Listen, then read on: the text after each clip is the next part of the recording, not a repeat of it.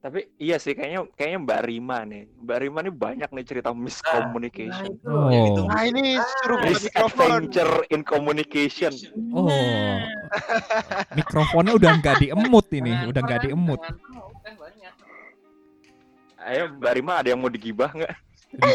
Digibah dong. Gibah artinya apa? Gibah tuh gosip yang parah banget gitu. Ngerasani lah, ngerasani. Apa apa Mbak? Apa ya? Banyak sih inian apa namanya kasus-kasus miskomunikasi sebenarnya contoh-contohnya. Dari yang ringan dulu mungkin ya. Bertahap, bertahap. bertahap. Jadi em, saya punya teman. Eh, temennya tuh em, cewek. Nah kalau misalnya kita ketemuan kan pasti kayak yang em, Hai ya ampun Rima apa kabar? Udah lama gak ketemu gitu kan biasanya. Nah tapi kalau sama dia entah kenapa 90% ketemuan selalu dia bilang Hai Rima, ya ampun gebukan ya. Terus Oh, gue harus interpretasi apa lagi kayak gini. Buat cewek itu sakit hati namanya. Nah Iya. terus iya jadinya punya tiga respon juga. Kalau misalnya gue lagi good mood, ya gue jawabnya iya subur itu tanda bahagia gitu kalau lagi good mood. Terus kalau moodnya lagi moderate, ya paling bilangnya ya ampun lo nggak pengen apa tahu kabar gue kayak gimana? Tapi kalau lagi bad mood yang which is selalu kejadian gue selalu bilang tahu deh yang badannya kayak model atau kayak artis Korea yang kayak gitu. Oh, jadi ya hubungan sama dia sebenarnya hubungan biasa tapi jadinya lost contact gitu. Sebenarnya mungkin dia cuma kayak berusaha cairin suasana kali ya kalau misalnya dipikir-pikir lagi. Kan pertama-pertama ketemu awkward yang kayak gitu. Tapi dia kayaknya cuma buat ngecairin suasana doang tapi guanya selalu ngerasa ah gila lo ngatain gue banget lo tahu deh gue yang gemuk lo yang kurus yang kayak gitu istilahnya. Nah itu yang ringan kayak begitu. Jadi tergantung dari receivernya juga feelingnya kayak gimana. itu bisa merusak ini yang merusak persahabatan. Oh no. Terus kalau yang moderate, kalau yang medium sih kayak pernah dengar pernyataan mendingan ngedengerin orang Jawa marah-marah daripada orang Batak menyatakan cinta. Wah, itu baru tuh. Kamu pernah dengar sih daripada apa? I beg your pardon. Pernah pernah. Putus ya tadi. Enggak, enggak, enggak. Jadi Fawas Iya. lebih baik Iya, nge- ngedenger orang eh, Jawa marah-marah daripada orang Batak menyatakan cinta. Iya, kedengarannya lucu, tapi gue pernah ada di situasi kayak begitu. Nah, jadi ini kayak intercultural clash juga ya. Gue sebenarnya orang Batak. Gue Batak tulen, 100% nyokap bokap. Tapi gue gue karena udah lahir dan besar di Jakarta, jadi gue kayak yang ya ada di sisi yang lebih kalem lah ya. Nah, jadi waktu itu, saat itu ada lelaki Batak yang baik hati dan dia nembak gue yang kayak gitu. Nah, terus saat itu eh, kita lagi di kafe, lagi di kafe terus saat itu dia ngomong baik-baik ke gua terus gua saat itu udah nolak tapi dianya jadi lebih kayak agresif gitu.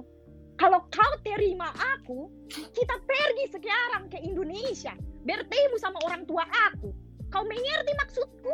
Nah terus gua merasa terintimidasi. Aduh gua terima aja apa ini preman nih orang ya gue jadi ngerasa terintimidasi. Jadi kayak aduh gue terima aja apa ini? Kaget atau segala macam. Tapi saat itu intuisi gue oke gue sodorin minum. Terus satu gue lihat body language-nya. Gue lihat bahasa tubuhnya. Ah dia walaupun dia ngomong kayak begitu walaupun ngomongnya agresif dan kasar ternyata tangannya gemeteran. Nembak orang itu nggak gampang. Ternyata nembak orang itu susah. Jadi di situ gue Oh. berusaha jelasin lagi yang kayak gitu kalau misalnya lagi di situasi kayak gitu coba lihat body language-nya kayak gimana Paling kasihan Nah. sama cowoknya ya. Kok- iya Kok gitu? God. Tembak itu nggak gampang, God. Jangan ambil jalan pintas, God. Goci nggak pakai nembak-nembak langsung, coy. Jangan ambil jalan pintas itu harus dihargai prosesnya, God. Gak gampang. Tanya Goci tuh nggak gitu, Real. Tanya Goci tuh gimana gua susah nggak sih nembak cewek gitu dong. Oh gitu, mancingnya. Tapi kalau kasih lewat iya telepon, susah dong. sebelum sebelum salah paham sama orang lain coba lihat dulu. Kalau misalnya em, kebetulan lagi face to face coba lihat body language-nya kayak gimana. Dia gemeteran banget dan dia juga ngejatuhin barang banyak banget dan saat itu gue kayak yang ah iya dia bukannya mau agresif ke gue mungkin itu kayak defense mechanism dia yang kayak gitu. Itu yang yang contoh yang mediumnya nah kalau contoh beratnya ini bukan miscommunication lagi ini lost in communication. Udah lost case banget deh pokoknya. Lost in translation dan segala macam. Ini di kantor kejadiannya. Ini mas editor nggak perlu khawatir nggak usah di iniin. Ini bisa kejadian di kantor mana aja. Aha. Nah ini em, saya punya anak buah. Nah dia nggak bisa bahasa Jerman, jadi kita ngomong pakai bahasa Inggris. Bukan berarti dia bahasa Inggrisnya jelek ya, tapi entah kenapa mungkin ini ja- kayak intercultural clash juga kali ya. Kayak misalnya em, berkali-kali gue nanya ke dia, ini udah satu setengah tahun gue training dia, udah satu setengah tahun training dia. Berkali-kali gue tanya ke dia, did you do this task? Dia selalu jawab, oh you know the boss wants uh, the yesterday the boss wanted me to do this this this this ya but did you do this task ya but this bla bla bla bla. Jadi gue nanya A dia jawabnya B C D sampai Z tapi dia nggak ngejawab A. Kayak begitu terus. Terus akhirnya yang ketiga kali gue tanya lagi oke but that doesn't answer my question. Did you do this task or no?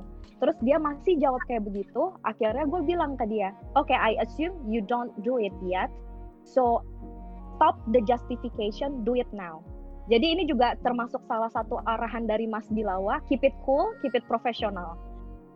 Jadi Uh. gue akhirnya akhirnya ya dianya jadinya ngelakuin gitu. Dia cuma kayak gue nggak mau ngasih tahu dia dari bangsa mana, tapi dia tuh em, supaya dia- ya supaya nggak rasis. Karena ini kejadian sama bangsa ini. Gue nggak ngerti kenapa. Gue nggak bisa ngomong sama bangsa ini.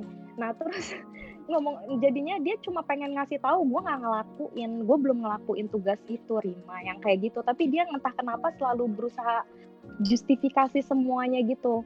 Nah jadi kalau misalnya di lingkungan kantor mungkin kalian nanti kalau udah ngantor atau gak kalian nanti ngelakuin PPI lagi atau organisasi-organisasi lain mungkin kalian bisa ngelakuin saran ini selalu ada written proof. Gunain email uh, atau enggak kalau misalnya ada project gitu, misalnya PPI ngadain apa, gunain kayak Trello gitu-gitu. Jadi um, job description-nya setiap orang atau setiap unit tuh udah kepapar di situ. Gue kebanyakan ngegunain Microsoft Team, tapi ada Spock juga. Kalian bisa gunain itu untuk kayak misalnya um, chattingan kayak gitu. Pokoknya selalu ada written proof karena nantinya bisa kalian buktikan. Oke, ini gue udah ngomong, lo harus ngomongin kayak begini, yang kayak begitu. Itu kalau untuk meminimalisasi yang namanya um, miskomunikasi di kantor ya. Gue selalu ada written proofnya, gue selalu pakai email, gue selalu pakai apa pun itu yang ada. Gue selalu kayak begitu. Tapi untuk cewek ini itu juga nggak berhasil, tapi gue bodoh amat. Jadi gue tetap harus ada written proof. Yang kayak gitu sih banyak banget sih sebenarnya kalau disebutin satu-satu. pada saat itu eh, memang menurut Barima intensinya dia memang pengen les atau takut disalahin karena dia nggak melakukan atau bagaimana atau gimana menurutnya Barima? Sebenarnya sih gue nggak punya analisa macem-macem, tapi gue bisa tahu anak ini pem- kayaknya dia ngeles, dia ngeles cuma untuk ngasih tahu, cuma dia tuh pinter ya, dia kayak tipe cewek gini, tipe orang macem-macem. Dia tuh tipe cewek yang di negaranya itu kalau menurut analisa Mas Bilawa, ini tipe Aku cewek yang yang kan ini tipe cewek yang cantik terus populer di negaranya terus setelah itu ketemu sama gue yang kayak begini terus dia kayak yang gila orang kayak begini kok bisa jadi bos gue yang kayak gitu. Nah jadi dia kayak nganggep remeh gue gitu. Nah jadi dia tuh kayak misalnya em, gue nyuruh dia ngelakuin sesuatu dia selalu berusaha kayak kayak ular gitu loh. Eh, biar supaya pikiran gue fokus gue jadi eh, bukannya ke A lagi tapi gue fokusnya ke B lagi gitu. Jadi dia nggak akan disalah-salahin. Yang kayak gitu ini juga kejadian minggu lalu sama dia kayak misalnya gue apa namanya dia bilang dia dapat feedback jelek banget parah banget dari klien. Terus dia kayak berusaha dapat dukungan dari gue nanya Rima nih klien ini kasar banget ya sama gue why are why is he so rude to me? Oke kalau gitu forward emailnya kayak gimana Terus gue berusaha nyari nih sumbernya dari awal. Kenapa dia bisa sekasar itu sama si cewek ini? Terus gue kasih tahu, oke dia kasar karena begini, begini, begini. Yang lo harus lakuin A, B, C, D. tapi dia interpretasinya dia lagi-lagi ini misinterpretation dia bilang ke gini ke gue why are you doing this to me Rima why are you talking like this to me Rima kita berantem jadi di situ jadi yang pertama tadi kan em, soal written proof yang kedua yang gue lakuin adalah jadi agresif. Kalau misalnya tadi dibilang ada people change gue ngerasa diri gue jadi berubah. Gue biasanya orang yang kalem kalau misalnya marah bisa tanya Mas Bilawa juga. Kalau misalnya marah gue nggak pernah teriak-teriak gue selalu diem. Dan gue kalau misalnya marah juga kayak nah nah terus tiba-tiba ketemu orang kayak begini yang udah lost in communication lost in translation lost in everything ya udah gue jadinya gue jadi agresif. Gue ngerasa personality gue juga jadi berubah yang kayak gitu. Jadi kita berantem kita gempur-gempuran teriak-teriakan saat itu minggu lalu.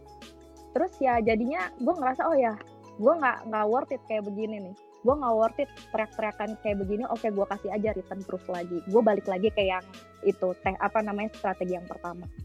Kayak begitu tapi eh, tapi yang pas kejadian yang eh, tanya soal tugasnya udah diselesain atau belum eh, Barima kayak eh, nanya eh, apa sih eh, confirm confirm. Nggak confirmnya ke dia itu dengan pertanyaan repetitif kayak memang miskomunikasi as in perbedaan bahasa atau eh, coba untuk ini nggak? Kayak apa sih em, menjelaskan intensi Barima gitu. Karena mengkonsiderasi mungkin dia ada rasa ketakutan kayak oh gua nggak buat gitu. Aduh gua lupa gitu. Atau kayak memang terlepas dia sengaja atau lupa untuk melakukan gitu. Mungkin kan bisa aja orang kayak takut gitu ya. Terus aku pengen tanya kayak Barima sempat kepikiran buat kayak menjelaskan intensi nggak biar dia lebih nyaman kasih tahu oh iya aku lupa gitu loh. Atau gimana gitu. Oh, sering, sering. Itu sering banget dilakuin. Tapi lagi-lagi uh, memperlakukan sebagai nanti kalian kalau misalnya udah di posisi gua sebagai manajer, lo bakalan ngeliat banyak orang punya personality yang beda-beda. Dan karena mereka punya personality yang beda-beda, cara lo ngatasin orang juga akan beda-beda.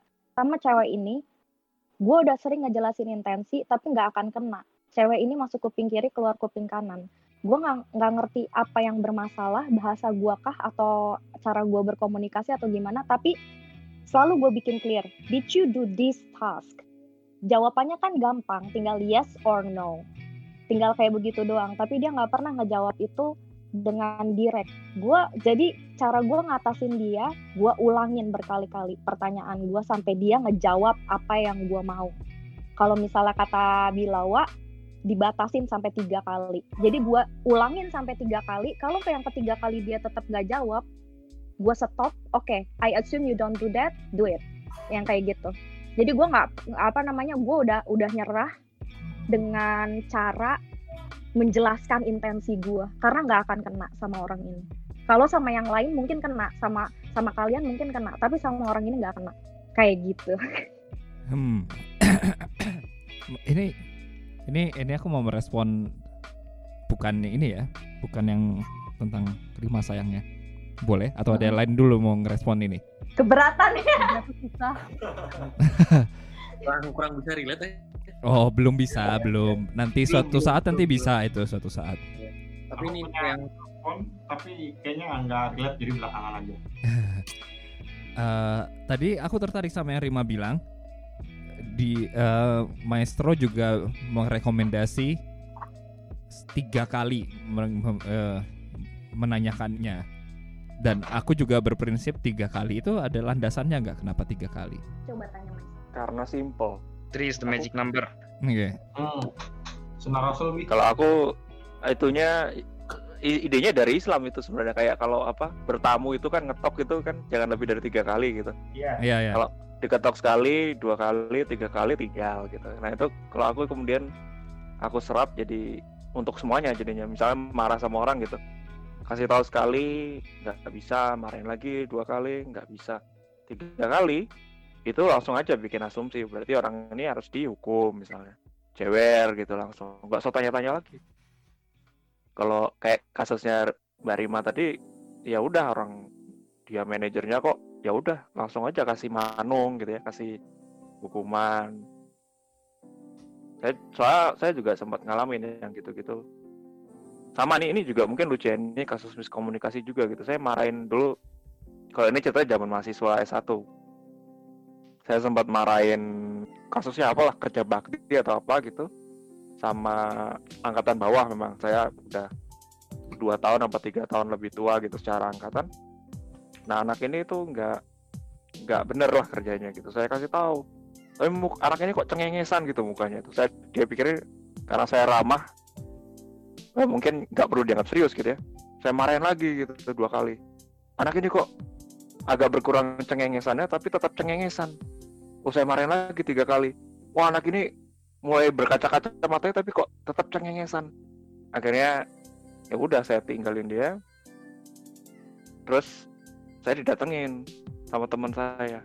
Kamu jangan kayak gitu. Loh kenapa jangan kayak gitu? Dia kerjanya nggak bener. Bukan gitu maksud saya. Mukanya memang cengengesan begitu jadi saya sadar mukanya ternyata emang profilnya tuh gimana ya? Bibirnya agak naik gitu. Jadi kesannya cengengesan padahal. Jadi dia bukan cengengesan dia sebenarnya serius gitu. Udah udah na- mau nangis juga kan. Udah saya marahin.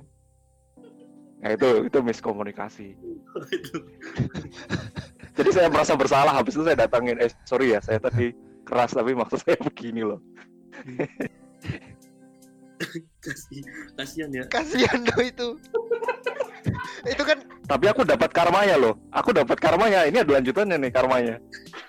So karmanya kejadiannya di Jerman. Jadi setelah bertahun-tahun lah setelah setelah kejadian itu.